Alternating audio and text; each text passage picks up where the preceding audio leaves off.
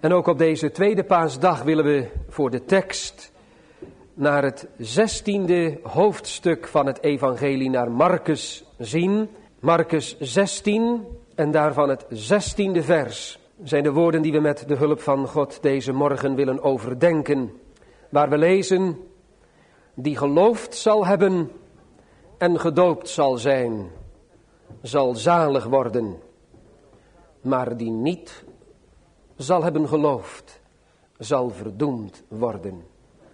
Geliefde gemeente, we zouden de vraag kunnen stellen, waar gaat het voor ons eigenlijk om bij het paaswonder? En het is zeker nodig dat we die vraag stellen, want wij leven uiteindelijk bijna 2000 jaar na het moment waarop de Heer Jezus Christus is opgewekt uit de doden. Wij kunnen geen bezoek meer brengen aan het lege graf en verwachten dat wij daar engelen zullen ontmoeten die ons uit zullen leggen wat dit alles te betekenen heeft.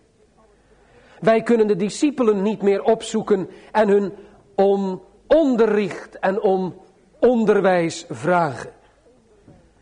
Wij kunnen zelfs niet rekenen op een verschijning van de paasvorst, de Heer Jezus Christus, tenminste niet op dezelfde manier waarop hij verscheen aan zijn discipelen na de opstanding. En daarom is de vraag toch eigenlijk dringend, waar gaat het nu eigenlijk om voor ons, die zoveel eeuwen na het paaswonder leven, wat heeft dat wonder ons vandaag te zeggen? Om op die vraag meteen maar een antwoord te geven. Waar het bij ons om gaat, is om het ware geloof. Want voor ons die zoveel eeuwen na Pasen leven, net zo goed als voor de discipelen die daar zo heel dichtbij stonden, krijgt het paaswonder alleen betekenis wanneer wij iets van het ware geloof mogen kennen. En alleen door het ware geloof krijgen wij zicht op die ene die de dood heeft overwonnen en het leven en de onverderfelijkheid aan het licht heeft gebracht. En vandaar dat we vanuit het woord van onze tekst vanmorgen op deze laatste paasdienst, tijdens deze paasdagen, stil willen staan bij het paaswonder en geloof. En dan letten we op twee dingen. Allereerst op het geloof als vereiste bij het paaswonder. Want zonder geloof zullen we verdoemd, veroordeeld worden. En ten tweede, geloof als vrucht van het paaswonder. Wie gelooft zal hebben en gedoopt zal zijn, die zal zalig worden. Paaswonder en geloof.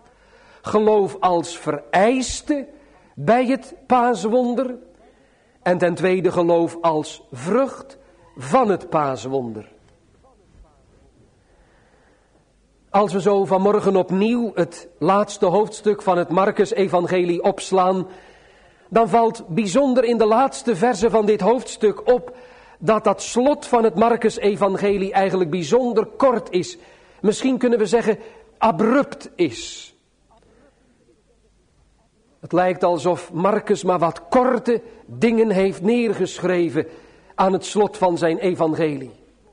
En daardoor wordt de indruk gewekt dat alles wat hier in de laatste versen beschreven wordt, heeft plaatsgevonden op die eerste dag, de dag waarop Christus is opgewekt uit de doden. Alles wat hier beschreven staat wekt de indruk dat het in de middag en op de avond van die dag plaatsvond. En toch is dat niet zo wanneer we het evangelie van Marcus vergelijken met de andere evangeliën. Dan wordt duidelijk dat de woorden die onmiddellijk aan onze tekst voorafgaan, de woorden gaat heen, predikt het evangelie aan alle creaturen, dat die woorden gesproken zijn toen de Heer Jezus Christus dagen na zijn opstanding met de discipelen in Galilea was. Daar heeft hij de grote opdracht gegeven om het evangelie te gaan verkondigen. Om de volken te onderwijzen.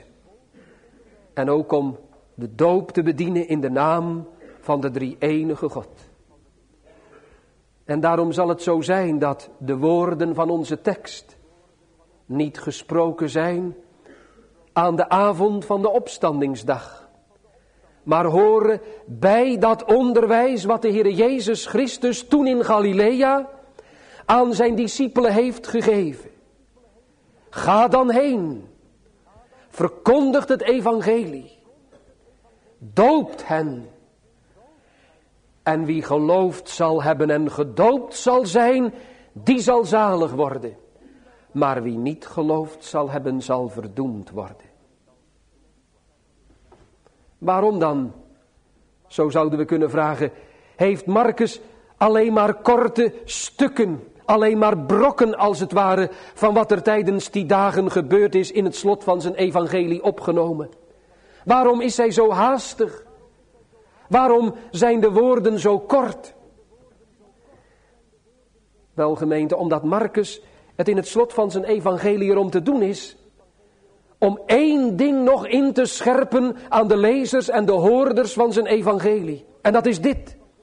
Dat het nu juist wanneer de Heer Jezus Christus is opgewekt uit de doden hier omgaat, dat wij door het ware geloof Hem leren kennen. Dat dat alles beslist. En dat zegt hij in al die versen telkens weer. Het gaat om het geloof. Het gaat om het geloof. Het gaat om het geloof als een steeds weerkerend refrein. Leest u maar even mee. Er staat zo dat wanneer de Heer Jezus Christus is opgewekt, dat de vrouwen bij het graf, waaronder Maria Magdalena, hem gezien hebben en komen met de boodschap dat hij is opgestaan uit de doden, doch zij geloofden het niet. Dan is hij verschenen aan twee mensen die smiddags op de dag van de opstanding wandelden op het veld. Doch wanneer zij komen om het bericht door te geven, ze geloofden het niet. En dan verschijnt de Heer Jezus Christus zelf aan de discipelen. Als ze s'avonds bijeen zijn en de deuren gesloten zijn. Hij komt om hen te bestraffen vanwege hun ongeloof en de hardheid van hun hart. En als de Heer Jezus dan veel later in Galilea verschijnt, dan zegt hij het opnieuw als hij zijn discipelen de opdracht geeft om te gaan preken. Vergeet het niet, waar het om gaat, is om het geloof. Wie gelooft zal hebben, die zal zalig worden. En wie niet gelooft zal hebben, zal niet zalig worden. Ziet u, dat is het wat Marcus in deze korte woorden in het slot van zijn evangelie in wil scherpen. Het gaat om het geloof. Want alleen die gelooft zal behouden worden. Maar wie niet gelooft zal verdoemd worden. Laten we heel kort met het laatste beginnen. Ontzaglijk woord.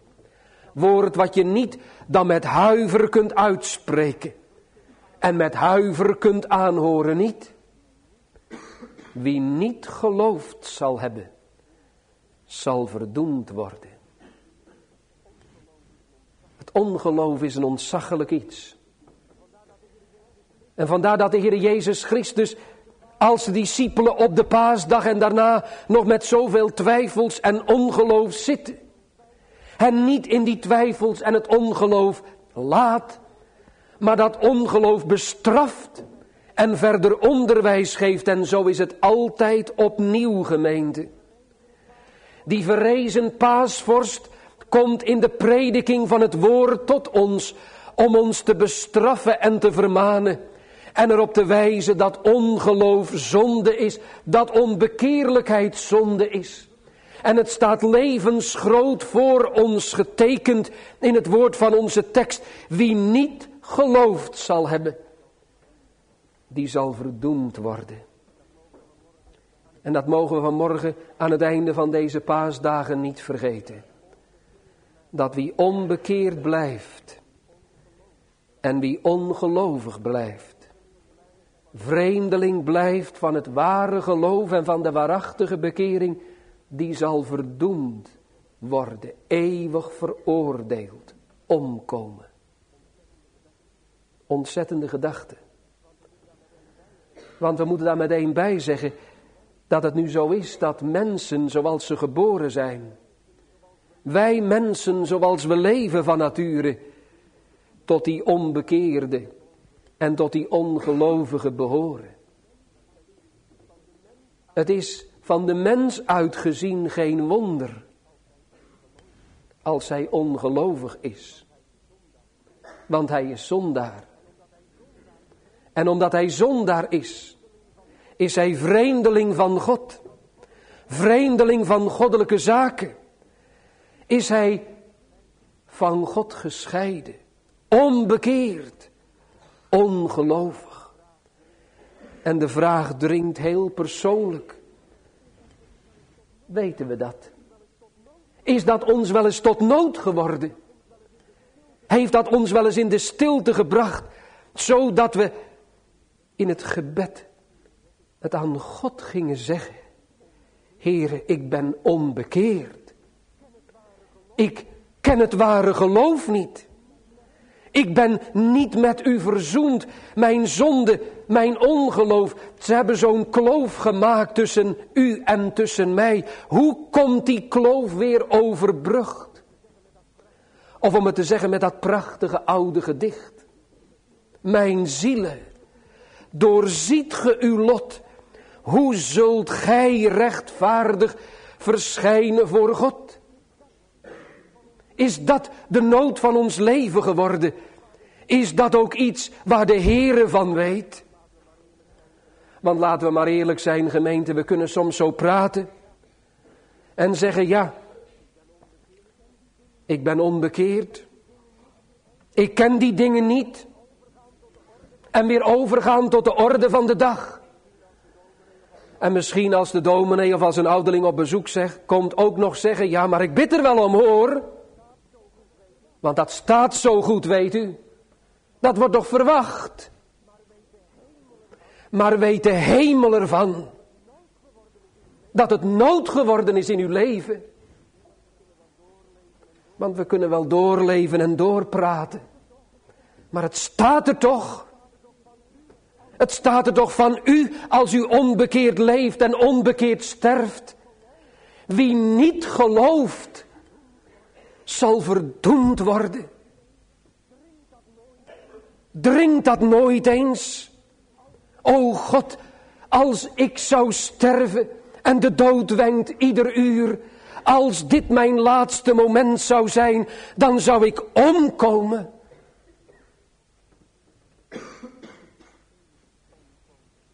En omkomen is eeuwig omkomen. Oh, wat leven we dan vaak makkelijk door? Wat kun je dan bij het ouder worden? Maar soms ook heel nadrukkelijk als we nog zo jong zijn.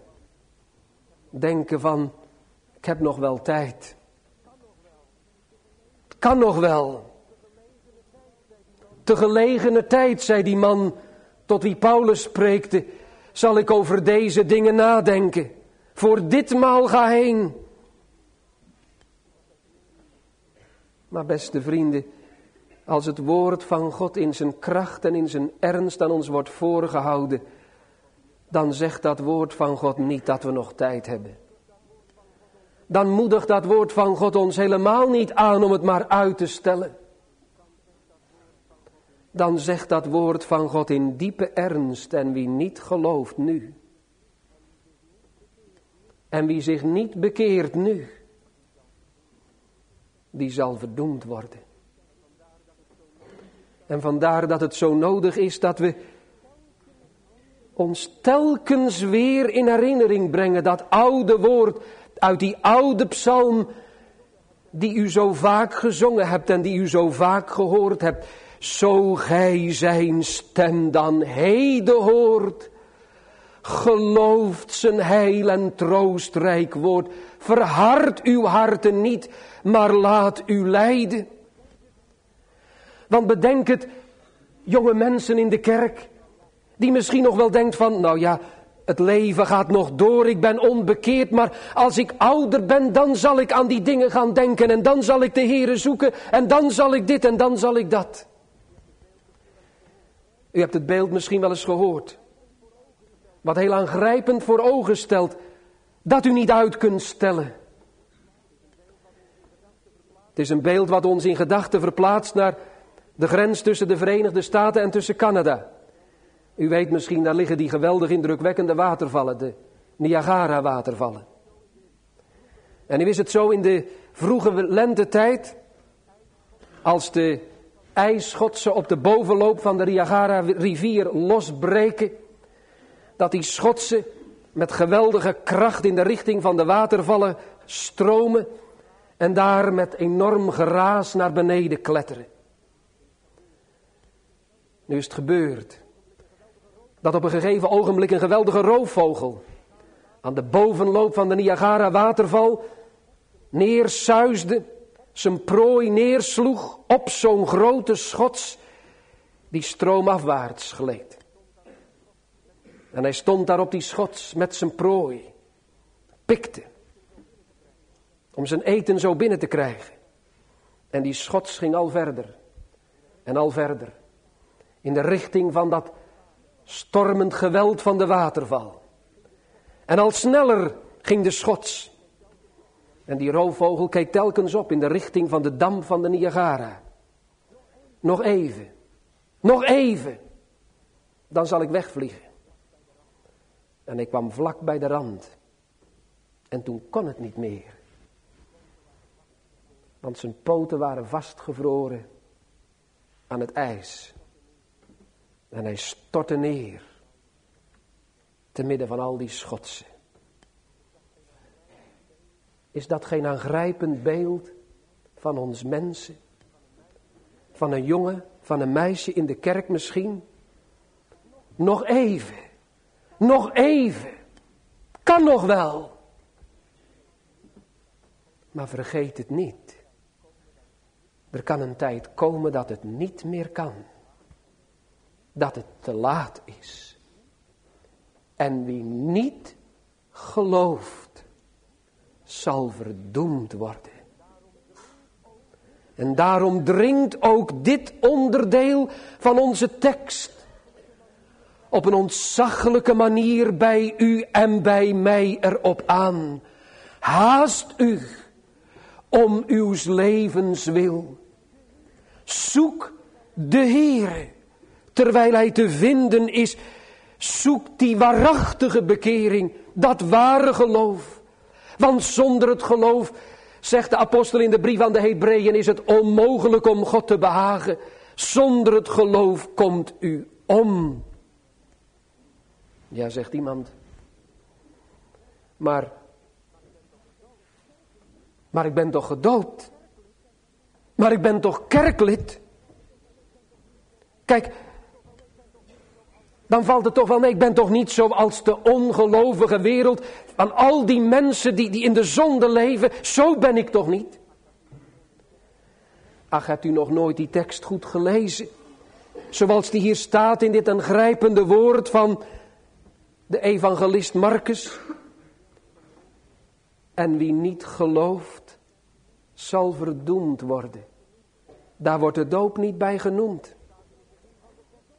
Er staat in het begin van de tekst, wie gelooft zal hebben en gedoopt zal zijn, zal zalig worden. Maar als het gaat over het ongeloof, dan leest u niets over de doop. Daar wordt in in meegedeeld, daar wordt in aan ons voorgehouden dat de doop, wanneer er geen geloof is, ons niet redden zal. Ons niet behouden zal. Dat de kerkgang, indien er geen geloof is, ons niet behouden zal. Dat onze goede dingen en goede daden, waar we misschien heimelijk wel een beetje trots op zijn, ons niet behouden zullen. Het gaat om dat alles beslissende, om dat ene nodige, om de kennis van de bekering en het waarachtige geloof. En daarom laat het toch niet zo zijn dat u denkt het zal wel meevallen, of het kan nog wel. Laat u niet zand in de ogen strooien door de gedachte, wel ik heb toch altijd zus geleefd of zo geleefd. Indien het geloof en de bekering u vreemd blijft. U komt om. En vandaar hoe lang u ook in de kerk gezeten hebt. Hoeveel jaren geleden u ook het sacrament van de doop ontvangen hebt. Het is nodig om dat geloof te ontvangen. De bekering. Ja, maar hoe moet dat dan, zegt iemand. Want u hebt al zo vaak gezegd dat de bekering iets is wat, wat alleen maar door genade gebeuren kan. En het geloof daarvan zegt apostel Paulus toch dat het een gave van God is. Hoe kan de Heer dan, dan eisen, gelooft, bekeert u? Hoe kan de Heer dan zeggen, wie niet gelooft zal verdoemd worden? Wel, dat zegt de Heer, dat eist de Heer, opdat u met die eisen op de knieën komt en vluchtend, biddend, pleitend, de troon der genade gaat bestormen. Opdat u gaat vragen, het is een oud woord van Augustinus, Heere, gij eist. Geef wat geëist. Geef zelf wat gevraagd. Heere, u eist geloof. U eist bekering. Zonder bekering en geloof zal het onmogelijk zijn, maar geef wat geëist. Want ik moet het beleiden en misschien zitten er mensen in de kerk die dat persoonlijk zo ervaren. Ik moet het beleiden dat wanneer die eis van u tot me komt, die eis van geloof en van bekering, dat ik mezelf niet bekeren kan, dat ik mezelf niet bekeren wil. Dat het aan mijn kant aan alle kanten vastloopt. Wat is dan geloof? Wat is dan bekering? Dat is een gave. En hoe geeft die heer, de Heere die gave? Wel, dat wil de Heere geven door zijn woord. Dat eerst. Want u moet het verband van de tekst niet uit het oog verliezen. Hier krijgen de discipelen een opdracht. En de opdracht is deze. Predikt het evangelie aan al de creaturen. Dezelfde dopende. En dan volgt, wie geloofd zal hebben en gedoopt zal zijn, die zal zalig worden. Daaruit wordt het duidelijk gemeente dat de Heere nu het woord laat verkondigen. En dat hij vraagt geloof in dat woord. Maar tegelijkertijd ligt daar ook in opgesloten dat de Heere nu door dat woord het geloof in het hart wil werken. God wil het zwakke instrument, dat zwakke, dat dwaze van de prediking van zijn woord gebruiken om mensen tot bekering te brengen. Om mensen tot het geloof te brengen. Daarvoor moeten de apostelen worden uitgezonden om heen te gaan in de hele wereld om het woord te prediken, want het behaagt de Heer door de dwaasheid van de prediking zondaren te brengen tot het geloof. En dan ziet u dit ook heel duidelijk. Dat het feit dat dat, dat woord van God de wereld ingaat en gepredikt wordt door zwakke mensen, dat de Heere dat wil gebruiken. Want je zou je af kunnen vragen, ja, die dominee preekt en die apostelen waren geroepen om te preken. En door de eeuwen heen is er gepreekt, maar wat kunnen die mensen, die apostelen, die predikanten nu, nu, nu doen? Wat kunnen zij nu in hun prediking aan mensen meegeven? Zij kunnen het mensen wel gunnen, die bekering en het geloof. Maar zij kunnen het mensen niet geven. Inderdaad. Een prediker, een apostel kan zelfs wel eens met grote twijfels en met grote vragen lopen voor zichzelf. Daar worden we hier in dit hoofdstuk Marcus 16 ook aan herinnerd dat de discipelen zelf tijden gehad hebben van ongeloof, twijfel en hardheid van hart. En toch zegt de Heer, gaat heen in de wereld en predik. Want de Heere wil dat zwakke werk van mensen die in zichzelf zondig en schuldig zijn, niet beter zijn dan een ander, wil dat zwakke werk gebruiken en wil daardoor het geloof in het hart schenken. Hebben we het niet gelezen in Matthäus 28? Als de Heere de opdracht geeft, gaat heen, predikt het evangelie. Dan staat er in Matthäus voor, mij is gegeven alle macht in hemel en op aarde. De discipelen hoeven niet alleen te gaan. De prediking van het woord, de rechte prediking van het woord hoeft niet alleen te gaan. Daar staat de kracht en de macht van de opgestane Heere Jezus Christus achter. En hij heeft het aan zijn discipelen gezegd en aan heel zijn kerk van alle eeuwen meegedeeld. Als het woord uitgaat in de wereld, als het verkondigd wordt op de zendingsvelden, als het gepredikt wordt in de gemeente, dan wil ik, de grote paasvorst met mijn macht, de macht die mij gegeven is, daarachter staan. Ik heb alle macht en ik zend u uit. En ik wil door de dwaasheid van de prediking mensen die schuldig zijn, ongelovig zijn, onbekeerd zijn in het hart grijpen. Kijk, als we zo de prediking zien, dan gaan we niet meer letten op de prediker. Niet meer letten op de gaven of op de woorden. Of wat dan ook aan bijkomstige dingen. Maar dan gaan we smekend en biddend onze plaats in de kerk innemen. Dan gaan we smeken, Heere, wil u het woord van de prediker, dat woord wat zwak is in zichzelf, omdat die man zondaar is.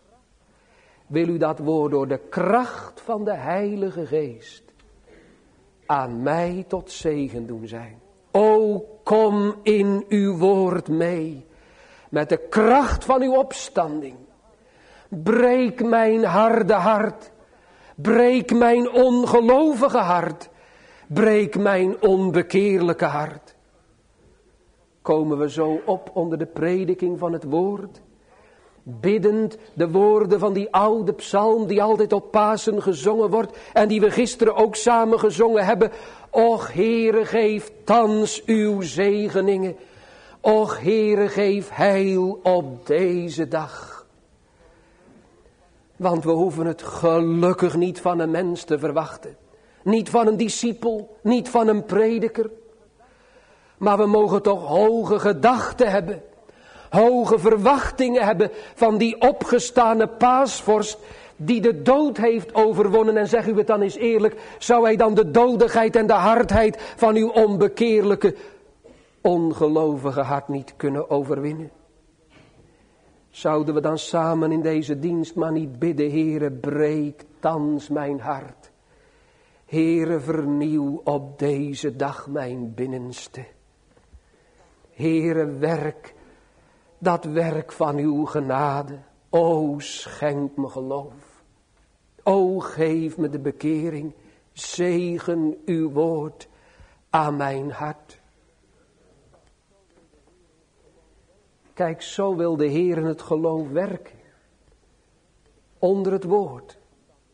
Door de kracht van zijn opstanding, de kracht van zijn geest. Zo wil je doen op het gebed. En dan moeten we niet alleen erop letten dat de Heer Jezus Christus dat doen wil door de kracht van zijn geest en woord. Er wordt ons nog iets gezegd. En dat is dat kleine woordje wat we in onze tekst tot nu toe alleen maar aangestipt hebben. Hij zeide die geloofd zal hebben en gedoopt zal zijn. Wat is de doop? Waarom staat het hierbij? Ik kan daar vanmorgen maar heel kort over zijn, u zult dat begrijpen. En vandaar alleen maar de kern van de zaak. Wat is de doop? De doop is in de Bijbel dit. Dat is een teken van de weg van de Heer Jezus Christus. Leest u het maar in Romeinen 6. In Romeinen 6 wordt gesproken over het sterven van de Heer Jezus Christus en zijn opstanding. U weet het trouwens misschien dat de doop van de Heer Jezus Christus in de Jordaan ook al heen wees naar zijn sterven en opstanding. Ik word met een doop gedoopt. En hoe word ik geperst totdat het al volbracht zij? Kijk, de doop is ook een afbeelding van de weg van de Heer Jezus. Als de dopeling in het water onderging, dan was dat een beeld van zijn sterven. En als hij opstond uit het water, was dat een beeld van het opstaan uit de dood. En zo is er in de doop altijd een heenwijzing naar de dood en de opstanding van de Heer Jezus Christus. Naar zijn sterven en opstaan uit het graf. Zo predikt de doop, zichtbaar evangelie, dat de Heer Jezus Christus gestorven is voor de zonde en opgestaan is uit de dood en uit het graf en de dood en de zonde heeft overwonnen. En daarom predikt de doop dat het nu door de dood en de opstanding van de Heer Jezus Christus mogelijk is. Dat zondaren zalig worden. Als er daarom vanmorgen in deze dienst op deze paasmorgen de doop bediend werd aan een van de kleine kinderen van de gemeente en dat water drupte, dan wijst dat water heen naar de dood en de opstanding van de Heer Jezus Christus. Naar de enige grond van de zaligheid. En dan zegt die doop dat Jezus Christus onder de golven en de baren van Gods toorn vergaan is. Dat Hij voor de schuld en voor de zonde van de zijne geboet heeft. Dat Hij tot in de hel toe vernederd is maar dat hij is opgestaan. De banden van de dood konden hem niet houden. Hij heeft de banden van de dood verbroken. Hij is opgerezen uit het graf door eigen kracht. En daarom zegt de doop dit. Zondaar gebonden in je ongeloof.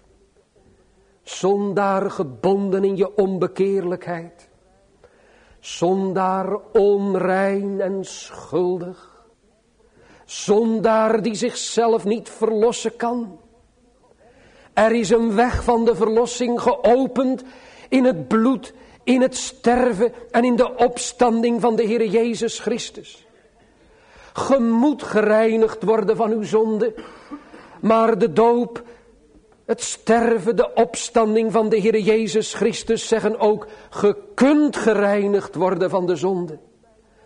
Alles is bij mij mogelijk. Hij heeft alle macht in hemel en op aarde. Maar hij heeft ook alles gedaan waardoor een zondaar zalig kan worden. Sterven en opstanding.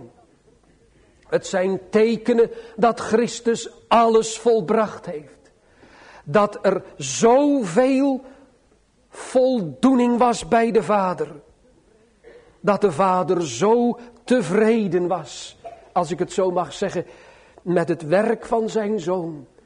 Dat hij hem opgewekt heeft uit de dood. Christus heeft alles volbracht. Alles voldaan. En daarom, omdat er nu aan al de eisen voldaan is door de Heer Jezus Christus. Omdat zijn lijden en opstanding het zichtbare bewijs zijn dat er niets ontbreekt aan zijn werk. Daarom is het mogelijk dat zondaren zalig worden op kosten van zijn genade. Dat wordt ook op die opstandingsdag en in die dagen daarna aan de discipelen meegegeven de doop. Teken van het volle werk van Christus. Teken dat zijn werk af is. En laten we daar ook maar een enkele lijn van doortrekken, gemeente. Dat betekent toch dit. Dat het nu voor verloren zondaren niet alleen zo is dat er een machtige verlosser is. Maar ook dat er een verlosser is die alles betaald heeft. Die alles voldaan heeft. Een volkomen zaligheid. Er hoeft niets meer bij. Zoals het vroeger vaak gezegd werd, een uitgewerkte zaligheid. Alles is voldaan. En daarom ligt er zoveel ruimte in dat bloed van de Heer Jezus Christus. Daarom ligt er zoveel mogelijkheid in. Daarom wordt ons dat ook gepredikt, de ruimte die er is bij Christus Jezus. Dat de grootste van alle zondaren zalig kan worden op kosten van Hem. Dat er in Hem geen gebrek is. Dat er in zijn offer geen gebrek is. In de reinigende kracht van dat offer geen gebrek is. Ja, dat het offer van Christus overvloedig genoeg is om te reinigen van alle zonde. O, wat zou dat ons moeten aansporen niet? Om nu de zaligheid bij Hem te gaan zoeken. Dat de zaligheid in geen ander te vinden is. Om de zaligheid in die ruimte te gaan zoeken die in Christus Jezus geopend is. Om aan te houden. Red mijn ziel.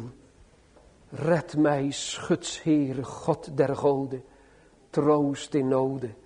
Grote hoorder van het gebed. En dan valt het voor verloren mensen, voor doodschuldigen, voor ongelovigen, onbekeerden in zichzelf bij deze Here zo mee. Want dan wil hij het geloof schenken. Dan wil hij blinde ogen openen, harde harten verbreken. Hij wil dat doen door de kracht en door de bereidheid die alleen bij hem te vinden is. Die geloofd zal hebben en gedoopt zal zijn. Kijk, dan krijgt voor het geloof die doop betekenis. Zonder het geloof heeft de doop geen waarde, geen betekenis. Maar wanneer er een sprankeltje, een ritseling van geloof is, dan krijgt die doop waarde. Want die doop vertelt me wie de Heer Jezus Christus is dat hij gestorven is, in de wateren is ondergegaan. Dat hij is opgestaan uit de dood. Die doop vertelt me, daar wijst het water heen, dat zijn bloed reinigt van alle zonde. Kijk, dan gaan we verstaan wat dat zichtbare teken eigenlijk inhoudt. Dan gaat die doop ook steeds meer een wonder worden. Juist als we als kind gedoopt zijn dan ga je wel eens terugkijken.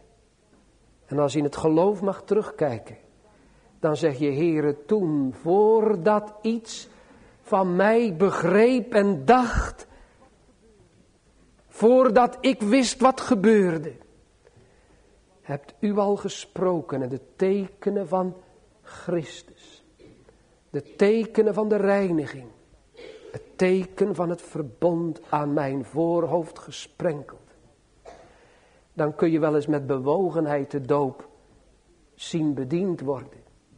Aan de kinderen van de gemeente. Want dan zeg je, dat is nu het zichtbaar evangelie dat spreekt van het sterven en de opstanding van de Heer Jezus. Van de reiniging door zijn bloed. Dat zegt dat het voor zondaren mogelijk is, dat het voor schuldigen nog kan. Die geloofd zal hebben en gedoopt zal zijn, zal zalig worden. De doop zelf doet het niet. Dat is slechts het teken. Maar wanneer het geloof leeft, dan gaat het ook verstaan waar de doop getuigenis van aflegt. Waar de doop heen wijst. Dan gaan we het inzien. Dat we nu niet zalig worden door iets van onszelf. Maar zalig worden door het werk van de Heer Jezus die gestorven is en is opgestaan. Door de kracht van zijn opstanding. Dan gaan we hem aanbidden. Hem dienen. In zijn wegen wandelen. Dat wordt het verlangen van ons hart. En vandaar dat we ook tenslotte met deze vraag deze dienst van woord en sacrament mogen afsluiten. Waar gaat het om bij het paaswonder. Het gaat om het geloof. kennen we het geloof? Hebben we door het ware geloof het woord leren verstaan en onze doop leren verstaan? Hebben we door het ware geloof iets van die schatten van Gods genade in ons eigen leven leren omhelzen? Overgeet het niet. Zonder geloof kunnen we voor God niet bestaan, want wie niet gelooft, zal verdoemd worden. Maar vergeet het ook niet, dat de Heere nog laat prediken en nog de sacramenten, ook het sacrament van de doop laat bedienen. Opdat zondaren tot bekering zouden komen tot geloof zouden komen. Het is nog mogelijk. Hij maakt dode zondaren levend. Hij zoekt ze op. Hij wil ze de schatten van zijn liefde openbaren. Harde harten verbreken. Zou het niet de moeite waard zijn? Niet dringend de moeite waard zijn. Als jongere, als kind, als ouderen aan het einde van deze paasdagen te vragen, Heere, schenk me dat geloof. Zou het ook niet zo zijn dat er juist daarom op deze paasdag misschien iemand in de kerk zit die zegt, Heere, ik geloof Kom gij mijn ongelovigheid te hulp. Amen.